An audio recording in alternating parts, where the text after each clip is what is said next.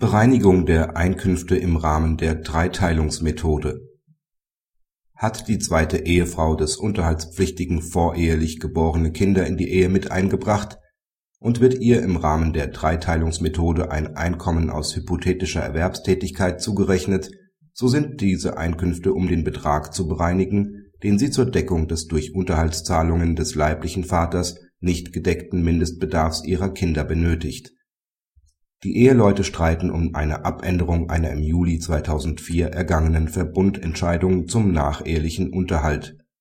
Die Ehe wurde nach 17 Ehejahren im Jahre 2004 geschieden. Aus der Ehe sind zwei Kinder geboren 1994 und 1997 hervorgegangen. 2007 heiratet der Mann erneut. Die zweite Ehefrau bringt aus erster Ehe drei Kinder mit in die Ehe. Sie ist teilschichtig berufstätig der Mindestunterhalt der drei erstehelichen Kinder wird durch die Unterhaltszahlungen des Kindesvaters nur teilweise gedeckt. Mit seiner Abänderungsklage im Jahr 2008 begehrt der Ehemann sofortige Abänderung auf Null des der ersten Ehefrau gewährten Unterhalts. Das Amtsgericht hat den Ausgangstitel zugunsten des Ehemanns teilweise abgeändert und den nachehelichen Unterhalt herabgesetzt. Die Berufungen sind ohne Erfolg das OLG moniert jedoch die Anwendung der Dreiteilungsmethode durch das Amtsgericht. Soweit das Amtsgericht für die neue Ehefrau lediglich die tatsächlich erzielten Einkünfte aus ihrer ausgeübten Teilzeitbeschäftigung in die Berechnung eingestellt hat, steht dies mit der neuen Rechtsprechung des BGH nicht mehr im Einklang.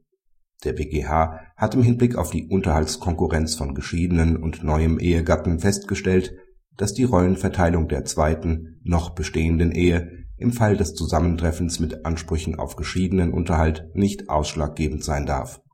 Auf Seiten des neuen Ehegatten kommt es bei der Unterhaltsbemessung schon auf der Ebene der Bedarfsermittlung nicht auf dessen Anspruch auf Familienunterhalt an, sondern auf den hypothetischen Anspruch auf geschiedenen Unterhalt, der sich bei Anwendung der § 1570 fortfolgende BGB zu seinen Gunsten ergäbe bei der Berechnung des für die Dreiteilung maßgeblichen fiktiven Einkommens der neuen Ehefrau kürzt das OLG dieses um den Mindestunterhalt der drei vorehelich geborenen und von ihr betreuten Kinder. Die tatsächlichen Unterhaltszahlungen des Kindesvaters werden dem Einkommen sodann hinzugerechnet. Die so einkommensmindernd berücksichtigte Differenz ist der im Wege der Ersatzhaftung für die Kinder zu leistende Barunterhalt der zweiten Ehefrau zwar führt dies im Ergebnis zu einer erhöhten Unterhaltsbedürftigkeit der zweiten Ehefrau und damit letztlich zu einer Verminderung des Unterhaltsanspruchs der geschiedenen Ehefrau, dies ist allerdings die unabwendbare Folge der Einbeziehung eines Dritten in das Unterhaltsrechtsverhältnis geschiedener Ehegatten im Gefolge der Dreiteilungsmethode.